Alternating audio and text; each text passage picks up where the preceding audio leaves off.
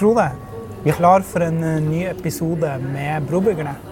Ja, du hører at vi sitter på en flyplass, eller vi er på vei eh, Og det er, eh, det er ikke så mye trøkk her nå, for det er jo eh, covid-19. og Vi er midt i koronaepidemien. Vi sitter på en kafé på Gardermoen. Og derfor er det mye stillere enn vanlig. Ja. Det er ikke så Det er relevant for eh, hvem vi skal møte, for å si det sånn.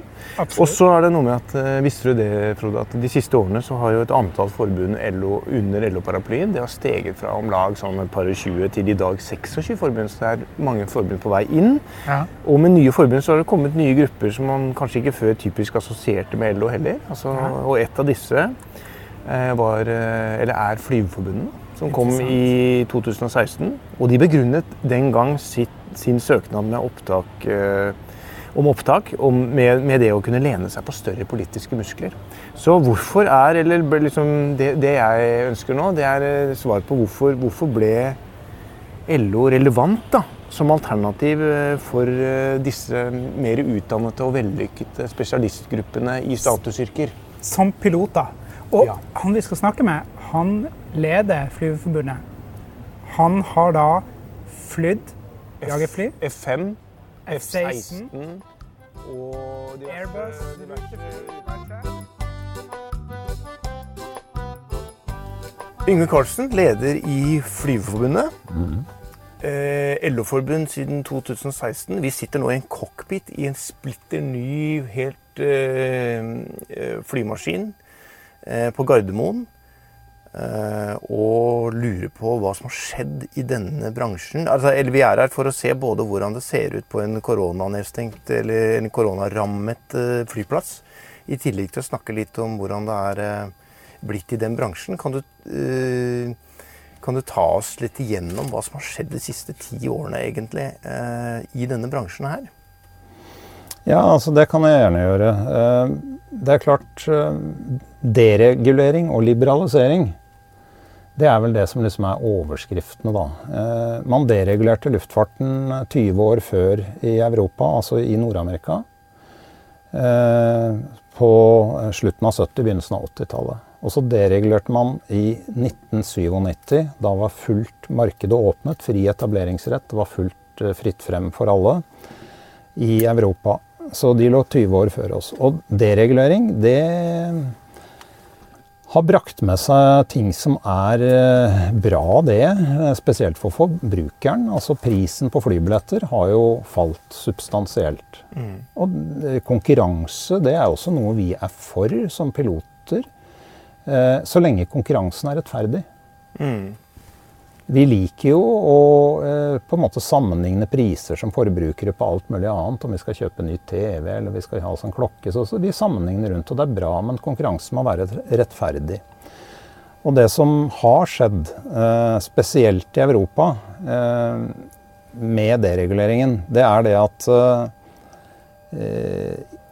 Altså framveksten av lavprisselskaper, som heller ikke er noe feil, men det er lavprisselskaper som har forretningsmodeller som da eh, utfordrer et organisert og ryddig arbeidsliv. Da. Altså det at man eh, f.eks.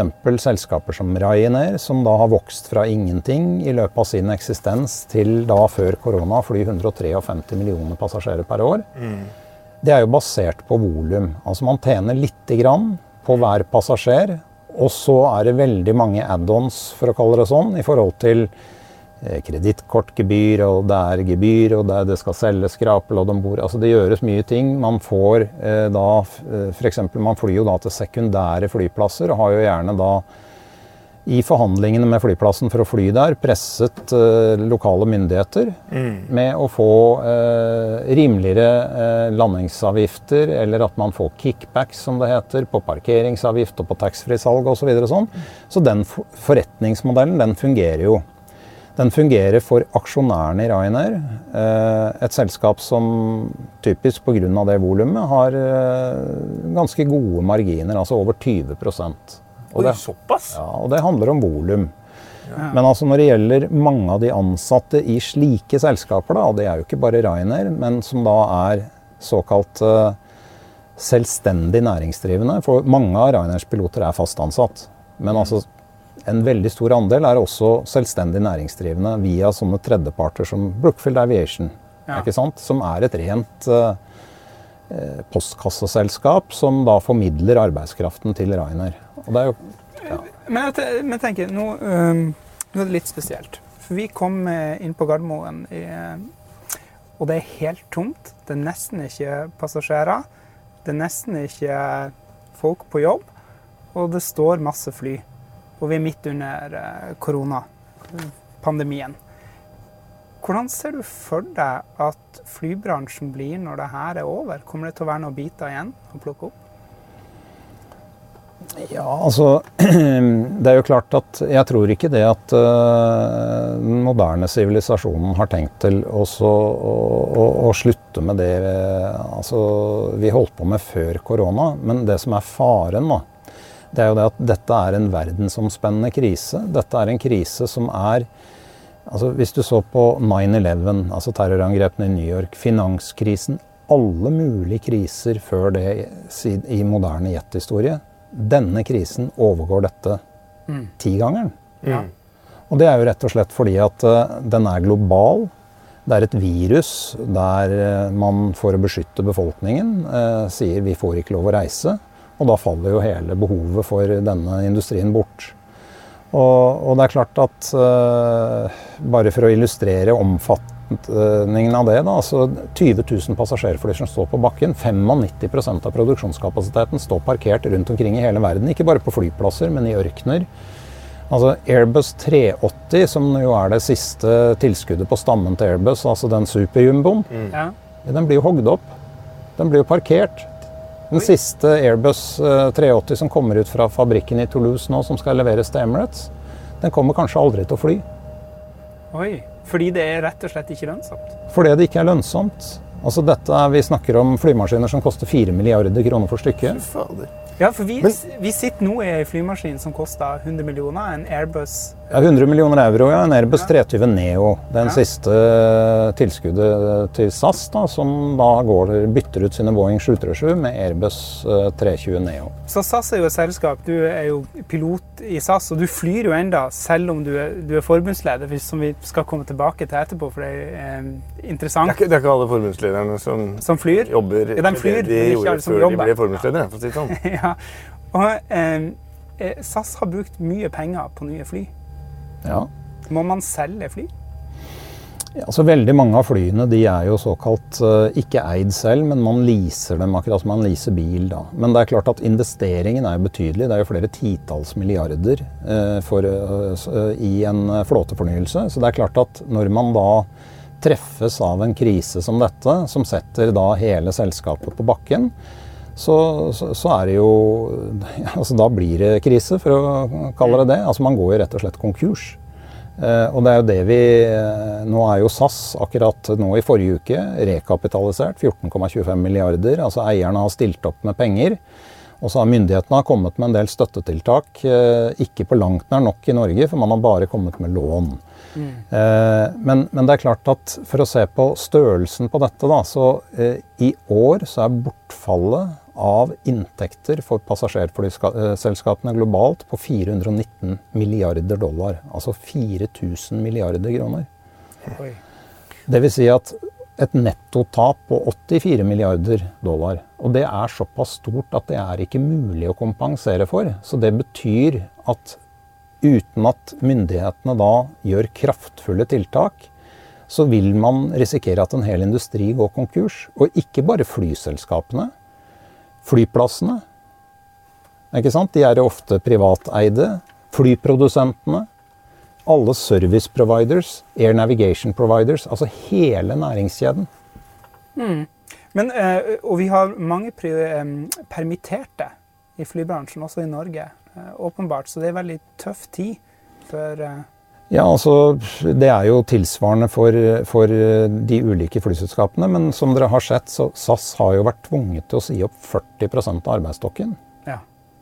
Det er fem- Hvilke? 5000 medarbeidere. Hvilke forretningsmodeller er, kommer ut på andre siden her, eh, Yngve? Er det de som har eh, det bogus-modellen som eh, er volumbasert? eh, Snakket hun litt om i sted. Det, det, det, I mitt hode så betyr jo det at de også har problemer nå og vil knekke. Men hvem, hvilke selskaper er det som kommer ut på andre siden her med noe som slags eh, hell om å klare seg? Er det de statseide og statsdrevne? Får vi en revival av det på en måte, historisk? Eller blir det de der, nettopp de derre eh, nye forretningsmodellene som, med dårlige vilkår som kommer til å klare seg best?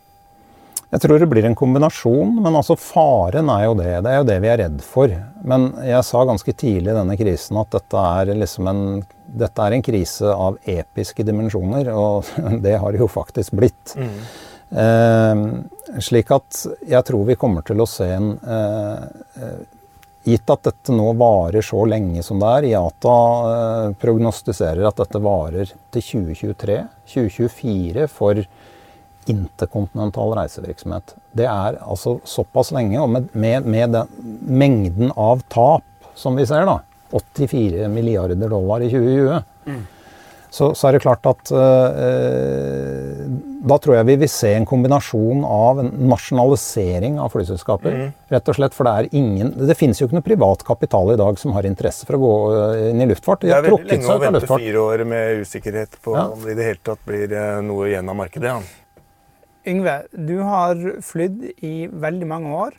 25 år har jeg vært i SAS som 25 år ruteflyver. Men uh, før det så var jeg 17 år i Luftforsvaret og jeg fløy, var jagerflyger der annet. Og, men og som guttunge fløy jeg seilfly og, og småfly. Når starta du å fly?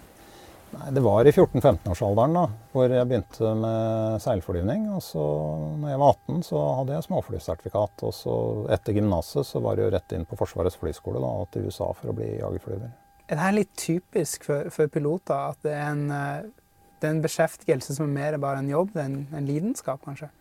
Jeg tror nok at mange har dette som en lidenskap. Eh, Nå skal vel ikke jeg påstå at den eh, lidenskapen brenner like sterkt etter 40 år, men altså mange kommer jo inn i bransjen på det. Mange tenker jo det. Altså det er jo et kult yrke. Det er jo et eh, Man både har status og det er, det er jo ikke så mange som, av oss som gjør dette. Vi er i forhold til antallet jobber i verden er 315 000 trafikkflygere f.eks. I forhold til alle de hundrevis av millioner arbeidsplasser som er.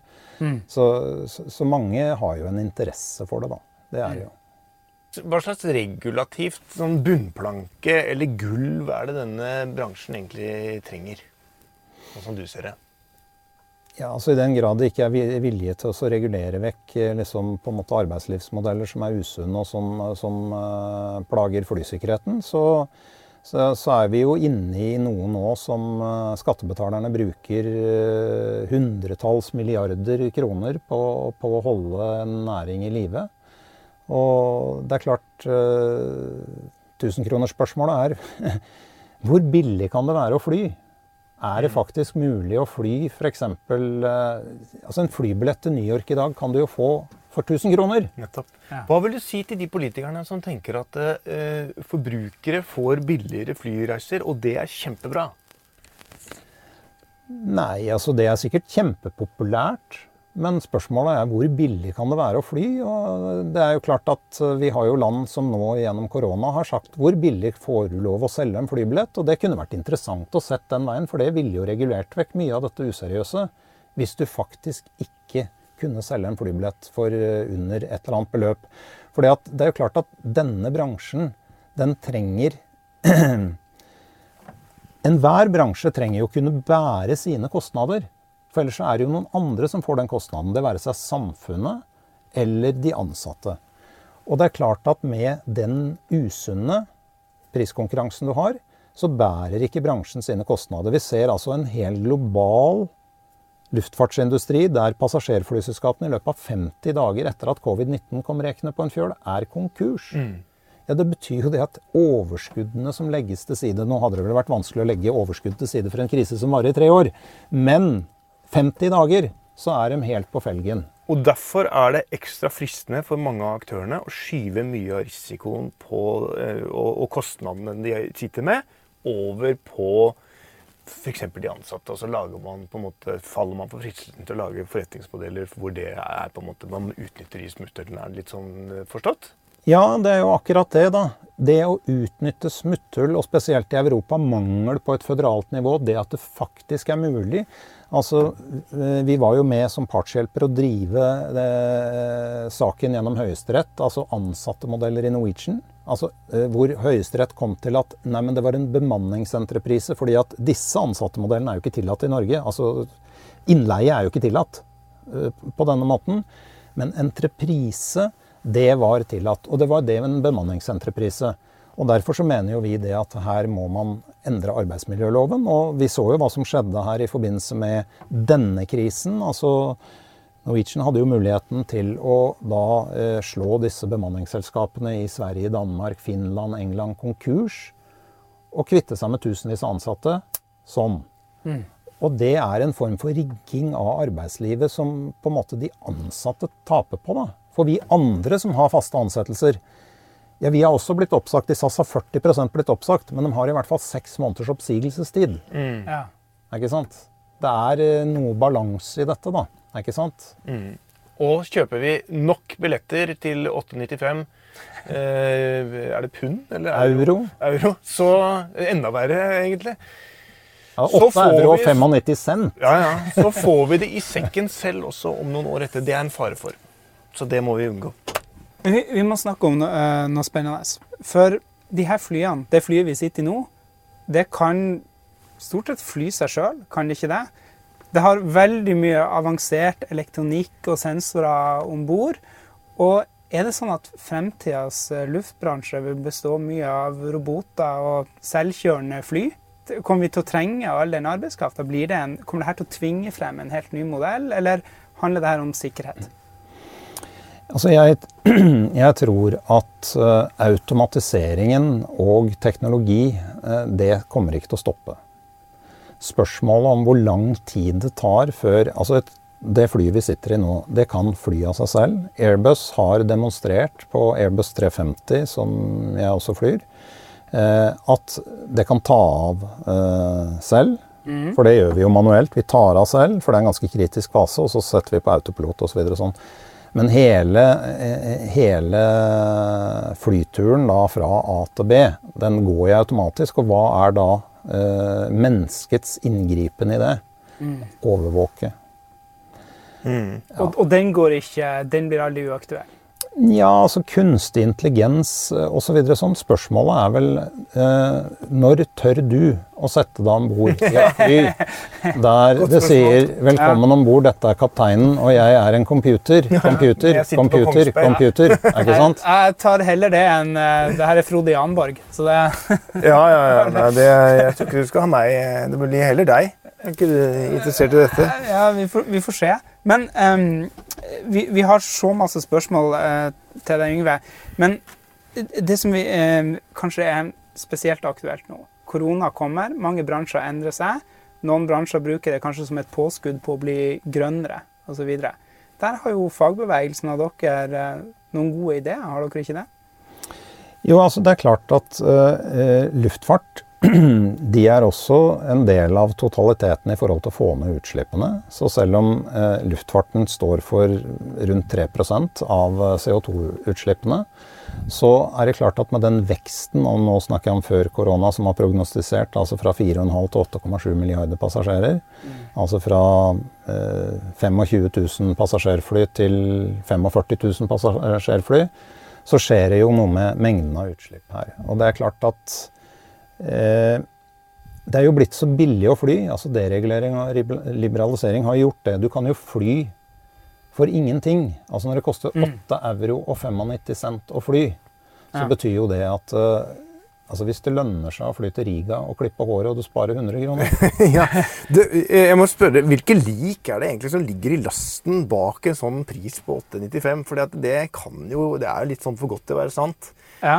Eh, og så tenker jeg at eh, jeg, hvis jeg planlegger en tur da, til NIS eller hva det er for noe, så kan komme dit tur i tur for under 600 spenn, liksom, hva, hva er det som Hvem er det som må betale for det? Altså De som må betale for det, det er jo i stor grad det er jo samfunnet som får den kostnaden til slutt. Det er jo de ansatte som eh, gjennom å måtte løpe fortere og fortere i hamsterhjulet, eller ha ansattemodeller som på en måte gjør at du ikke kan være syk, eller at du ikke har rett til pensjon, eller at du osv., osv. sånn, som betaler den prisen. For, for, der er det noe med de der ansatte-modellene og den, den, den forretningsmodellens oppsettet, som er litt spesielt i luftfarten. Det, der er det liksom der har det skjedd mye i de siste årene. Ja, altså Det er jo muliggjort, da. Eh, vi mangler jo et føderalt nivå i EU. Altså I Amerika så er ikke dette mulig. Altså Man skulle jo tro at uh, i kapitalistenes høyborg uh, USA så, så vil du ha mye av sånt. Det er ikke mulig, det. Juridisk er det umulig. Der er alle organisert. De har tariffavtaler. Det er orden i sysakene. Du får ikke gjort det. Du har et føderalt nivå. Så, så det, er, det, er, hører, det, er, jo på en måte helt motsatt av hva vi tror. Altså, Vi er jo vant til å høre at i USA så er det 10-12% organisasjonsgrad, mens vi i Norge er over halvparten. Men her snakker vi om en bransje som er gjennomorganisert internasjonalt. Den er gjennomorganisert internasjonalt, og det er den jo også i Norge men, eh, og i Europa. Men det er også en betydelig andel i Europa som er uorganisert, og som ikke har tariffavtaler. Altså Wizz Air, Ryanair osv. Hva kan dere i, i Flygerforbundet gjøre med det? Nei, altså Det har vi jo jobbet med veldig aktivt eh, på europeisk nivå. Norsk Flygerforbund er jo da, eh, som 100 andre flygerforbund i verden, medlem av International Federation of Airline Pilots Association. Det er en organisasjon som eh, har hovedkontor i eh, Montreal, eh, sete i CAO. Og eh, så har vi da en, en regional paraply som eh, sitter i Brussel. Ti ansatte i European Cockpit Association. Og det som har vært viktig for oss, da For det er, jo det, det er jo dette presset, altså det som lavprisselskapene har drevet fram med ansattmodeller, legger jo et press på Prispresset da, og den usunne konkurransen legger et press på alle de seriøse, for å kalle det det i gåseøyne, aktørene. Så det, det drives nedover mot samme lave nivå. Det er en Eh, alles kamp mot alle for å kunne tilby et flysete som jo helt tydeligvis verken er bærekraftig finansielt, eh, heller i forhold til ansattmodeller, eller heller miljømessig. Det at vi driver og putter altså Hvis folk flytter seg fra puben i Dublin til Albufeira fordi at det ikke koster noe å fly, ja, så er vel kanskje ikke det like fornuftig når vi vet at vi har behov for å få ned utslipp. Trenger vi, min, trenger vi minstepriser på å fly? Ja det, jeg tror vel Altså det er noen som går den veien. Det er jo helt klart at i EU nå under eh, von Leyens eh, presidentskap så har jo man nå gått veldig, veldig langt. Altså The New Green Deal. Eh, den er veldig høyt på agendaen. Og koronakrisen den aktualiserer jo den. Det er jo klart at det er jo spyttet inn betydelige statlige, altså skattebetalernes midler, for å, for å, som livbøye til flyselskapene. Det er ja. riktignok i stor grad lån. Av Per 1.6 så hadde de globale flyselskapene fått 123 milliarder dollar i livlinje. Men bare 30 milliarder dollar var ny egenkapital. Men det er nå tross alt 30 milliarder dollar. Mm. Og Det betyr det at eh, det som er lagt til grunn, er jo det at man må forplikte seg til utslippskutt, bl.a. Eh, vi mener jo også at man må forplikte seg for å motta statlig støtte til ansatte modeller, at man må oppføre seg sosialt ansvarlig ikke sant? innenfor ja. rammen av kollektivavtaler osv. Så sånn. Så, sånn at eh, Til det du spør om, da. Minstepriser. Ja, Østerrike gikk den veien. I forbindelse med at de eh, kom med en livlinje til Austrian Airlines. Da fikk man ikke lov til å selge en flybillett for under 40 euro, altså 400-500 kroner. Det var på strekninger som var under 300 km osv. Så sånn, så det brukes tog. Så det er fullt mulig å gjøre det hvis politikerne vil gå den veien. Er reguleringer eh, og politisk påvirkning da på en måte nøkkelen til å gjøre noe med dette? Ja, selvfølgelig. For det at politikk, det er jo mulighetenes kunst. Altså det jeg mener eh, Dereguleringen var bra fordi at man fikk konkurranse. Fremveksten av usunn konkurranse, det er ikke bra for samfunnet. Det er ikke bra for ansatte. Det er ikke bra for finansene i industrien som helhet. Mm. Fordi at det er den derre kampen om å overleve.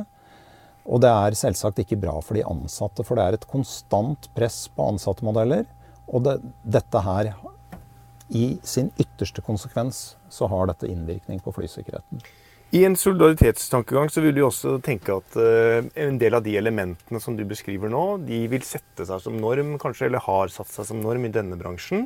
Og så dukker de opp igjen som uh, på en måte vellykkede uh, trekk for andre å justere sin forretningsmodell til, i, i henhold til. Og så dukker det opp som at det blir innleie og, og uh, selvstendig næringsdrivende presset til å gjøre sånn i andre bransjer, om det nå er ingeniørtjenester i Equinor eller leid inn fra India eller hva faen skal være for noe på andre steder. Er det ser, Hvilke sånne trekk er det vi, som er skumle, som, og som kan, som kan dukke opp i andre Eh, i andre sektorer når vi kjøper disse billettene til 490 eh, og 895 eh, dollar? Ja, det tror jeg det at Det blir jo litt grann samme som altså hvis du går og kjøper en skjorte på henne som Maurits til 80 kroner. Det, vet du. Ja. Altså Man må tenke på hvordan var det den kom til. Den er riktignok produsert et sted der på en måte lønnsnivået er Men vi vet jo at det er viktig at lønns- og arbeidsforhold er ordentlig, selv om på en måte man har et annet lønnsforhold andre steder i verden. Det som er faren, da Altså, luftfart er jo global. En flymaskin, den, den, vi sitter i her nå, den flyr jo herfra til andre siden av jordkloden i løpet av eh, 10-12 timer. Mm. Sånn at vi beveger oss Vi flyr jo over nasjonalgrensene, og dermed så flyr vi over eh, eh, på en måte arbeidslovgivningen, arbeidsmiljølover, trygderett og alt mulig sånn. Og det som skjer, det, det man bør tenke på da, det er som kunde, det er jo det Er det mulig? Kan jeg faktisk fly for 8 euro og 95 cent? Det er sikkert hyggelig, det, men hvem er det som betaler den prisen? Mm. Og det er klart, smitte smitteeffektene hvis du bare tillater det. For hva er det du faktisk har gjort da? Hvis du f.eks. opererer en sånn flymaskin som dette her, med kunder inn og ut av Oslo lufthavn, men de ansatte de er på atypiske ansettelser, og de jobber for et bemanningsbyrå i Riga. Ja. De har sin såkalte ansettelsesbase, homebase. Det er ikke Riga. Men de kommer eh, eh Hvis vi tar eh, gangen i livet til en pilot, f.eks. Mm. han får lån når han tar utdannelsen sin. Han får også lån, ekstra lån når han skal sertifisere seg for en type flymaskin. Og så går han inn i et utrygt arbeidsliv der han må bruke deler av arbeidsdagen sin på å bekymre seg om han skal betale husleie osv. osv. Hva har det å si for flysikkerheten? Nei, altså det er jo klart at sånne modeller der du ikke har trygghet uh, i arbeid eller for arbeid, så er jo klart at uh, vi er jo mennesker. Det påvirker jo uh, Det påvirker jo folk i dette yrket også, det. Altså Hvis man ikke vet om man har en lønnsslipp neste måned, eller at du har problemer med å få et lån i banken, eller at du blir syk, at du føler at du må gå på jobb når du er syk, så er det klart at det negativ, kan ha en negativ påvirkning på flysikkerheten fagbevegelsen, altså som forbundsleder, dere jobber mye med nettopp eh, sikkerhet mm. i, i, luftbransjen. Kan du fortelle litt om hvordan det foregår? Kommer dere bare med forslag, eller har det en historie, det her? Altså Historisk så har uh, piloter Jeg snakket uh, litt tidligere om, om Ifalpa. Altså Vi har jo jobbet med, med flysikkerhet egentlig siden nesten Du må bare si hva er, hva er Ifalpa for noe? Ja, Det er det, det, globale føderasjonen for flygere. International Federation of Airline Pilots Association. Det er der alle flygeforbund, det er ett fra hvert land, som har medlemskap i IFALPA. Ja.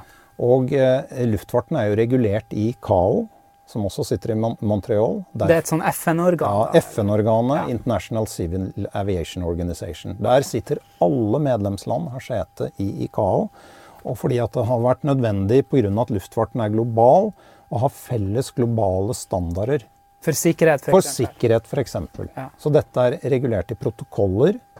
Og da har, helt siden 1948, hvor IFALPA ble grunnlagt, mm. så har piloter og deres forbund, nasjonale forbund jobbet med flysikkerhet. Fordi at målsetningen bl.a. i IFALPA det er jo da å to promote the highest level of aviation safety. Altså å få dere som passasjerer trygt fram. Og selvsagt oss da, som har jobben. Ikke sant? Så, så, vi har et lang tradisjon, altså tilbake fra 1948, til å jobbe sammen med myndighetene. Sammen med nasjonalmyndighetene og internasjonalt med flysikkerhetsspørsmål. Dette har jo resultert i veldig gode sånne statistikker for hvor trygt det er å fly og sånn. Er det, er, det, um, er det, det som skjer nå, er at de dårlige forretningsmodellene kapitaliserer på en måte på de resultatene som har vært historisk, og som sånn sett så lener seg på falsk kreditt, uh, på en måte? Ja, altså Man har jo adoptert uh, på en måte disse standardene. da, Prosedyrer, opp opplæring, altså det at vi gjør ting veldig systematisk og lærer av de feilene vi gjør. Mm. Så er det jo klart det at det som vi er bekymret for, det er jo det at når man har slike ansattemodeller som det, ja, hva oppstår da? En fryktkultur.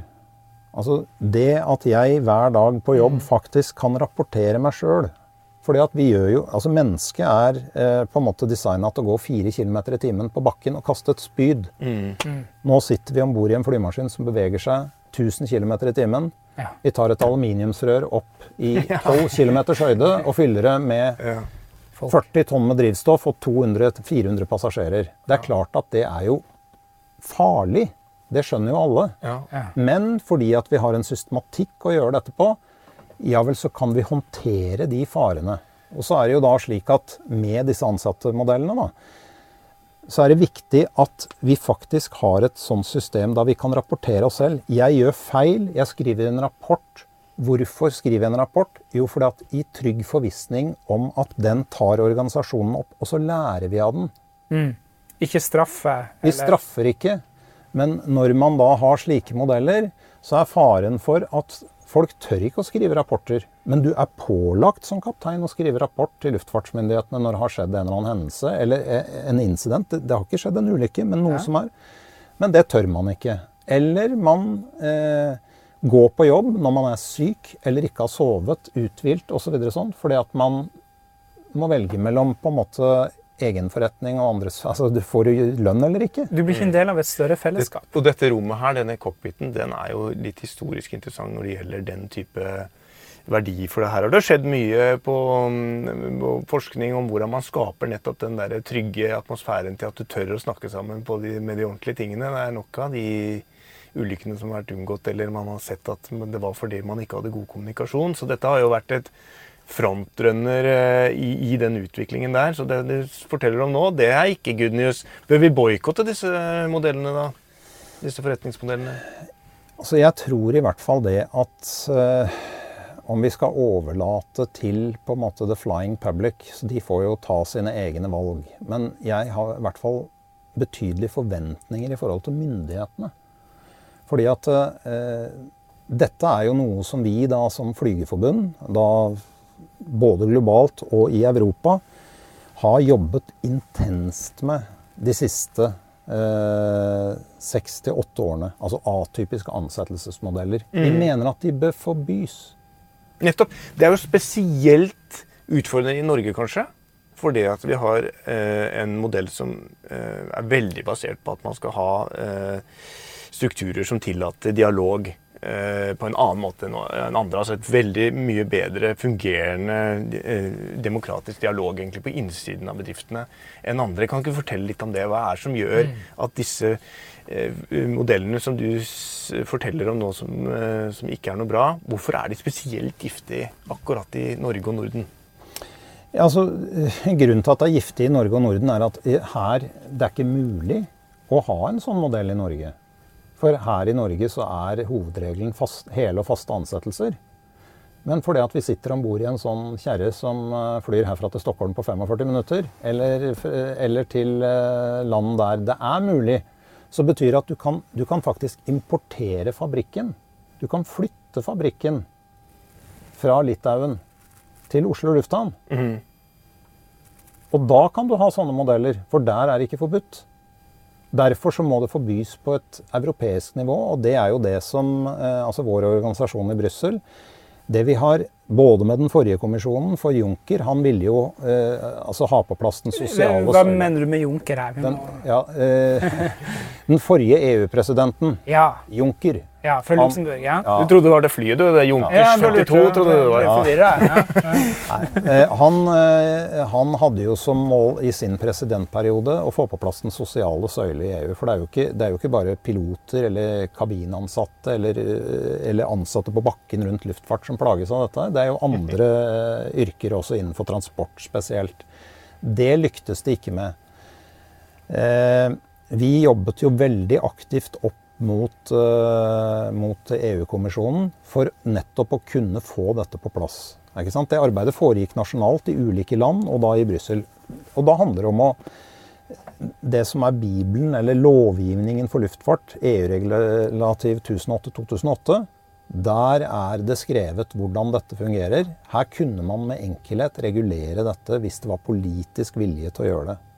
Det er klart at det er ulike interesser i Europa i forhold til de eh, 25 snart eh, medlemslandene som er der, fra et tidligere Øst-Europa, som har andre interesser enn det tidligere Vest-Europa. Og Derfor så har det vært vanskelig å få det på plass. Men det som påvirker oss da her hjemme Vi er jo veldig heldige som bor i en del av verden der vi har på en måte små forskjeller og et system vi skal passe på som smeder. Fordi at vi kan ikke ta det som en selvfølge. Og her kommer vi litt inn på hvorfor dere valgte å bli med i LO og den prosessen der. Og også det at man har starta noe i LO som heter LO luftfart, faktisk. Hvorfor, hvorfor er det viktig å lage nye paraplyer innad i LO, og hvorfor er det egentlig så viktig for ei sterk fagforening som allerede har så mye internasjonale kontakter, å bli med i den på en måte tradisjonelle norske fagbevegelsen? Ja, altså LO har, jo, LO har jo et veldig stort internasjonalt fokus. Eh, dette handler jo om eh, samhold og solidaritet. Eh, og det at mange eh, Når man er mange, så kan man løfte mye. Man får jo innflytelse og makt, eh, naturligvis. Eh, Norsk Flygerforbund, eh, som sagt, en av Ifalpas grunnleggere i 1948, eh, var jo en nærmest paraplyorganisasjon, interesseorganisasjon, som da fram til dereguleringen, altså de ulike klubbene da, eller medlemsforeningene i Norsk Flygerforbund forhandlet sine egne tariffavtaler, og før dereguleringen så var det ikke så mange utfordringer i forhold til det. Så det er klart, så kom dereguleringen. eh, Så kom eh, 9-11 og finanskrise og fremveksten av lavprisselskaper og disse modellene. Så er det klart, da for å kunne påvirke på de nivåene nasjonalt nå i første omgang, så måtte vi være medlem av noe som var større enn oss selv. Fordi at å sitte ute Vi hadde kontoret på Snarøya og så representere 1400-1500 medlemmer Det er jo ingen som gidder å høre på deg. Ikke sant? Altså, eller i hvert fall, du, Det er vanskelig å nå fram. Men når, når du er del av en organisasjon som nesten har en million medlemmer, Ja. da er det noen som gidder å høre på deg. Så det jeg hører nå, det er at eh, du sier at organisasjonshistorikken som sådan har vært veldig til stede i denne bransjen, men eh, når man begynte å se nødvendigheten av å eh, påvirke politisk, eller man måtte se over nasjonale grenser f.eks., og på en måte eh, skulle, skulle oppnå noe politisk, så måtte man søke inn i et miljø som var, hadde politisk kapital, da, på en vis. Er det korrekt? Ja, det er helt riktig. Altså, så kan jeg bare ta det eksempelet som altså, Selv om jeg er forbundsleder for et forbund med 1430 medlemmer, så er jeg forbundsleder akkurat som de andre medlemmene. Mette Nord, som har 400 000 medlemmer. Eh, så så det, det handler om tilgangen på eh, beslutningstagere. Eh, jeg fikk jo representere LO i regjeringens luftfartsutvalg. Vi leverte en NOU i desember 2019 om da akkurat dette vi snakker om. Altså Norsk offentlig utvalg, som er Ja. bestillingsverket av, av regjeringa for å Ja. finne ut uh, Ja, for, veien videre. Faktagrunnlag. Ja, fordi at det vi hadde Og dette var jo drevet fram mye av oss gjennom LO, for vi ser at vi mangler en nasjonal luftfartsstrategi. Og uten det så blir det jo litt vanskelig å vite hvilke tiltak man skal komme til. Da. Når vi kommer til covid-19 og vi sitter her på en tom flyplass og alle flyene står, så ser du i hvert fall behovet for å ha en slik strategi. Så hadde det jo vært kanskje vanskelig å ta opp i seg at man skulle komme ut i en sånn katastrofe, men, men det, det, det, var det. Og der representerte jeg LO. Og, og det er klart at uh, dette er et dokument som, som, på en måte nå har vært ute på høring, og som danner grunnlaget for regjeringen nettopp å ta fram en slik uh, strategi i lys av covid-19. Og, og, det er klart at som uh, LO-forbund så blir vi lyttet til. Altså tilgang til statsråder, tilgang til partiledere, storting, for å rett og slett snakke om betydningen av hva denne bransjen Eh, har for landet, da, for den er svært viktig for Norge. Vi har et langstrakt land. 70% av befolkningen. Det er det eneste eh, offentlige kommunikasjonsmiddelet som fungerer pga. Av avstandene. Og, og, da er det jo klart at eh, da er det tvingende nødvendig at vi sørger for å ivareta denne, altså norsk luftfart, gjennom covid-19. Mm. Fordi at vi kommer til å trenge det. Vi har jo ikke tenkt å begynne å gå. Nei, Og da er det det du samtidig sier da, det er at uh, uh, dette har ingenting med at, uh, at, andre før kan ha oppfattet Eller jeg, da. Jeg bruker meg selv som eksempel. Altså at, jeg tenker jo på flyvere som relativt sånn Det er mye status, og det er ikke noe dårlig betalt, og det er gode vilkår og sånn, tenker jeg. ikke sant, Tradisjonelt. Men det er like, LO er like relevant for dere som yrkesgruppe av disse årsakene som du snakker om nå? Ja, Det handler jo rett og slett om at man må komme inn i et avtalesystem, altså under hovedavtalen, eh, der på en måte er ordning og reda, da, som det sier på svensk, at man forhandler tariffavtaler innenfor et system. Men fordi at dette er en global bransje som eh, har konkurranse eh, og usunn konkurranse utenfra, så må man påvirke rammevilkårene mm. for å kunne beskytte tariffavtalene. Mm. Og det var jo liksom mye av hovedhensikten med å se på hovedorganisasjoner. Og det gjorde vi tilbake da i 2010, hvor LO pekte seg ut som eh, det eh, Altså nummer én. Helt klart at den største, sterkeste, altså som hadde de musklene vi trengte, da for å faktisk jobbe med disse problemstillingene. Fordi her hadde man like interesser? Man ønska den samme type arbeidsliv? Ja, altså det, det, altså det, som LO står for, det er jo Det er vel ikke noe dissens om det nå på arbeidstakersiden i det hele tatt. Og mm. til det du spurte om LO luftfart. Ja, altså eh, LO luftfart eh, ble opprettet eh, da tilbake for fem år siden av eh, sekretariatet. Eh, det var eh, mye på vår anbefaling. Eh, det er jo 8000 ansatte innenfor luftfarten i ulike forbund som er LO-medlemmer.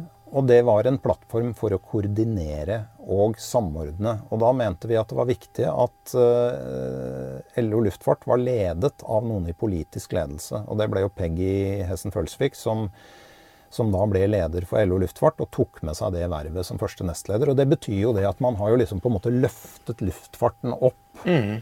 på et nivå i LO. På meg, som er viktig for oss. På meg mm. virker det også som dere har fått til det, at det har vært vellykket. Hva mener du om det?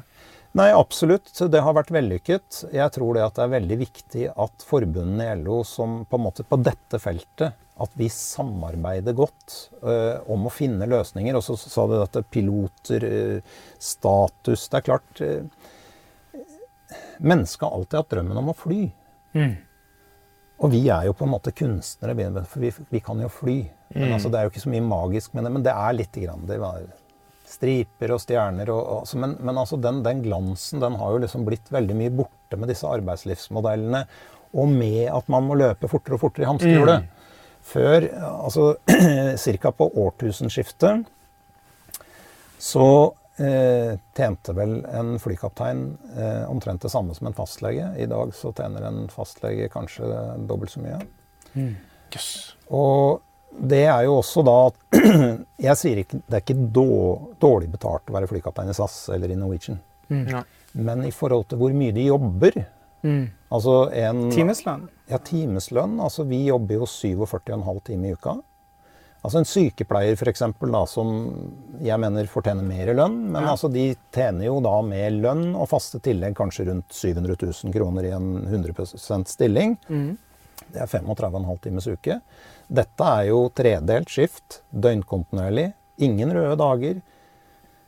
Alt går rundt hele tiden, ikke sant? Mm. Det er ikke noe ekstra betalt for å jobbe på julaften eller nyttårsaften eller, eh, eller på påskeaften. Eh, sånn at eh, hvis man ser på antall arbeidstimer som da er typisk 30-40 høyere, Mm. så, så, så jo, begynner jo lønna å bli sånn relativt lik kronebeløp. Og, og for de som kommer inn i yrket, altså en styrmann som kommer ut av den typiske millionen i, i gjeld og er heldig å få seg en jobb i SAS eller Norwegian eller sånt sted, tjener jo en rundt eh, 400 000 i året, som jo er under minstelønn. Det er lite. Også hvis de da ikke får jobb der, men i et av disse eh, andre selskapene med disse litt mindre Sosial dumping? eh, li- Litt eh, mindre ansvarlige forretningsmodellene, så er det annerledes. Fortell om det. og Da må du Ja, nei, altså da må du jo eh, For det første, hvis du får jobb i en av disse eh, ikke navngitte selskapene, da, eller som vi har snakket litt om før, så, og som atypisk ansatt, så får du jo da typisk beskjed om at sånn skal det være. Så du må opprette et eh, eget personforetak. Ja, det skal gjerne være på Isle of Man eller Malta eller et eller annet sånt. Ja, ja, hyggelig. Der ikke reguleringen er altfor streng, kanskje? Nei, og der eh, så er det jo da en juridisk kontrakt da mellom ditt eget eh, enkeltpersonsforetak eh, Hans og Grete og, og et eller annet tredjepart. Og, men du får da utdelt en arbeidsplan, og du flyr jo den produksjonen, altså 900 timer i året, som er maks. ikke sant? Og du, du flyr for det, og du får jo da betalt per time. Men det er en såkalt nulltimerskontrakt. Det betyr at hvis du ikke får tildelt en arbeidsplan, så får du null. Ja. Ikke sant? Eller hvis det er noen Du lever på nåde. ja, Hvis det er noen som ikke liker deg, og du syns du kanskje har skrevet litt eh, mange rapporter, eller at du kanskje er en som- kaptein som Litt forsiktig. Litt forsiktig, eller eh, på en måte ta med seg litt for mye fuel, fordi at eh, og så videre og så videre. Og da blir flyet tyngre, og da Ja, ja. koster det mer, selv om det gir deg mer. ja, så kan det jo hende det at uh, du kommer jo opp til da Du har jo en kontrakt som gjerne går i tre år, da. Så Mm. du kommer opp for såkalt kontraktsfornyelse, så får du bare beskjed om at det er ikke, det er ikke behov. It's not uh, your services. Dette det er veldig-. Sånn at du har jo ikke den tryggheten der i det hele tatt. Det er, ikke, det er vilkårlig, ja. For det er, det er heller ikke forklart hvorfor du ikke får lov å fortsette. Du får ikke Nei, du får bare rett og slett ikke lov å fortsette, og det har vi jo sett nå i Det er ikke forbindelse noe, altså I norsk arbeidsliv unnskyld, eh, så er det jo sånn at hvis man skal miste jobben, eller lignende, så er det jo et min, må man jo følge loven, ha et møte. Og så må du ha en input om hvorfor dette ikke gikk lenger, slik at du har Saklig. mulighet til å justere kursen. ikke sant? Og, og det er ikke i de her selskapene. Det er en viktig forskjell. Ja, for du er jo ikke ansatt. Du er bogus self-employed. Altså, du er ikke bare self-employed, men du er bogus. Altså, det er rett og slett Du får jo bare en mail. Mm. Ja. Og så får du jo også bare betalt for de timene du faktisk sitter i, i flyet og flyr. Er det ikke sånn også? Ja, så si at det blir store forsinkelser på dager med tåke osv. Så, videre og sånn, da. så legger du igjen en hel haug med penger du ikke får noe penger, altså kroner for. Det høres ikke bra ut. Lykkes man i, eh, når dere nå har uh, søkt eh, samling under LO-paraplyen og, uh, og, og jobber mot EU og, re, og regulering osv.? Lykkes man? Ja, altså det vil jeg absolutt si. Altså dette her, her er work in progress, og det er hardt arbeid. Eh, Det handler om at man har en eh, målsetning om noe man ønsker å oppnå, altså jobber med en plan. Og det handler om å, punkt ett, bli flere organiserte. Altså vi, vi organiserer jo hele bredden av norsk luftfart. Alt fra eh, tungt helikopter i Nordsjøen, innenlandshelikopter, luftambulansen, flyskolene som utdanner piloter, de som flyr milliardærene våre, altså business jet-segmentet, tung luftfart osv. Så sånn. Så, sånn at eh, f.eks. innenfor eh, innlandshelikoptersegmentet, som du har hatt en stor grad av ikke faste ansettelser, men midlertidige ansettelser i hvert fall. Altså ikke type sånn Reiner-modellen, men, men eh, hvor folk i hvert fall er eh, sesongarbeidere, da, for å kalle det det. Det. Der har vi hatt et eh, stort prosjekt eh, under LO om å organisere opp disse pilotene. Nettopp for å få på plass tariffavtale. Vi driver eh, nå i høst faktisk og fremforhandler fem nye tariffavtaler under hovedavtalen. Bl.a. i dette segmentet. Så det handler om å bli flere. Og så handler det selvsagt om å utnytte de styrkene og, og den påvirkningen som, som LO har, da, til å kunne jobbe med politikken. Fordi at det er Det er ikke noe fokus på det. F.eks. det har ikke vært fokus på dette nasjonalt. Når vi i 2014 valgte å trekke sikkerhetskortet, det var i en aksjon vi hadde foran Stortinget i desember. Vi kalte den Fritt fall. Ja. Og eh, Aftenposten-journalist eh, Pål Vegard Hagesæter har jo skrevet den boken 'Fritt fall'. Det handler om luftfart og dette jeg snakker om nå. Den, da hadde vi en appell foran Stortinget hvor vi delte ut den boken i julepresang til samtlige stortingsrepresentanter. Det var egentlig det. Da sa vi at flysikkerheten er truet. Vi skal være forsiktige med å heve det flysikkerhetskortet. Ja. Men vi mener at disse ansatte-modellene og den veien hele bransjen beveger seg ned mot laveste tilbyder, det kommer vi til å se på flysikkerhetsstatistikken. Og Det, det her er jo veldig foruroligende. Altså, det her er det siste kortet dere vil, vil spille som fagforening, for dere ønsker jo ikke å trekke egen bransje ned. Men samtidig så er det her så alvorlig. Hva er det norske myndigheter kan bidra med? Nei, altså Norske myndigheter de, eh, de kan bidra med først og fremst. Og så tror jeg at det er veldig viktig at man sørger for at vi har velfungerende tilsyn. Tilsynsmyndighetene må være til stede, må være veldig på disse ballene her. sånn. Eh, vi har jo sagt lenge brukt en litt sånn populær forskning. Dommeren må komme ut av garderoben. Det går ikke an å spille fotball med dommeren nede i garderoben. vet du. Og det er litt grann sånn det er i deler av luftfarten. Ja. Og Det betyr at eh, både eh, de ulike tilsynsmyndighetene må settes i stand til å føre reelle tilsyn. For at luftfart har jo alltid vært gjennomregulert og fungert. Men det er noe som spiser seg inn i dette her som en kreft.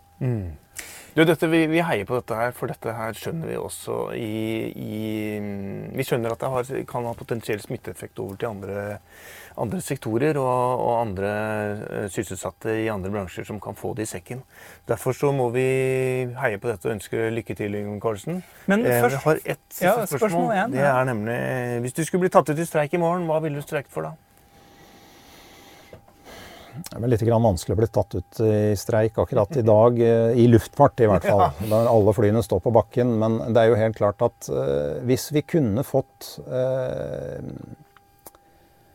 regulering på europeisk nivå som sørget for at bl.a. dette med atypisk ansettelse ble forbudt, at man ikke kunne gjøre det på den måten, og at man ikke kunne eksportere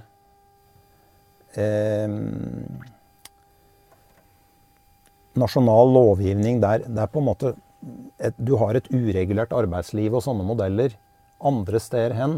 Altså eh, Posted Workers Directive i EU f.eks. er ikke tydelig nok som gjør at man kan faktisk her på Oslo lufthavn ha flyselskaper som driver og opererer rundt, eller flyr for andre flyselskaper, som som da har ansatte om bord som nødvendigvis ikke har den sikkerheten som vi har i SAS bl.a.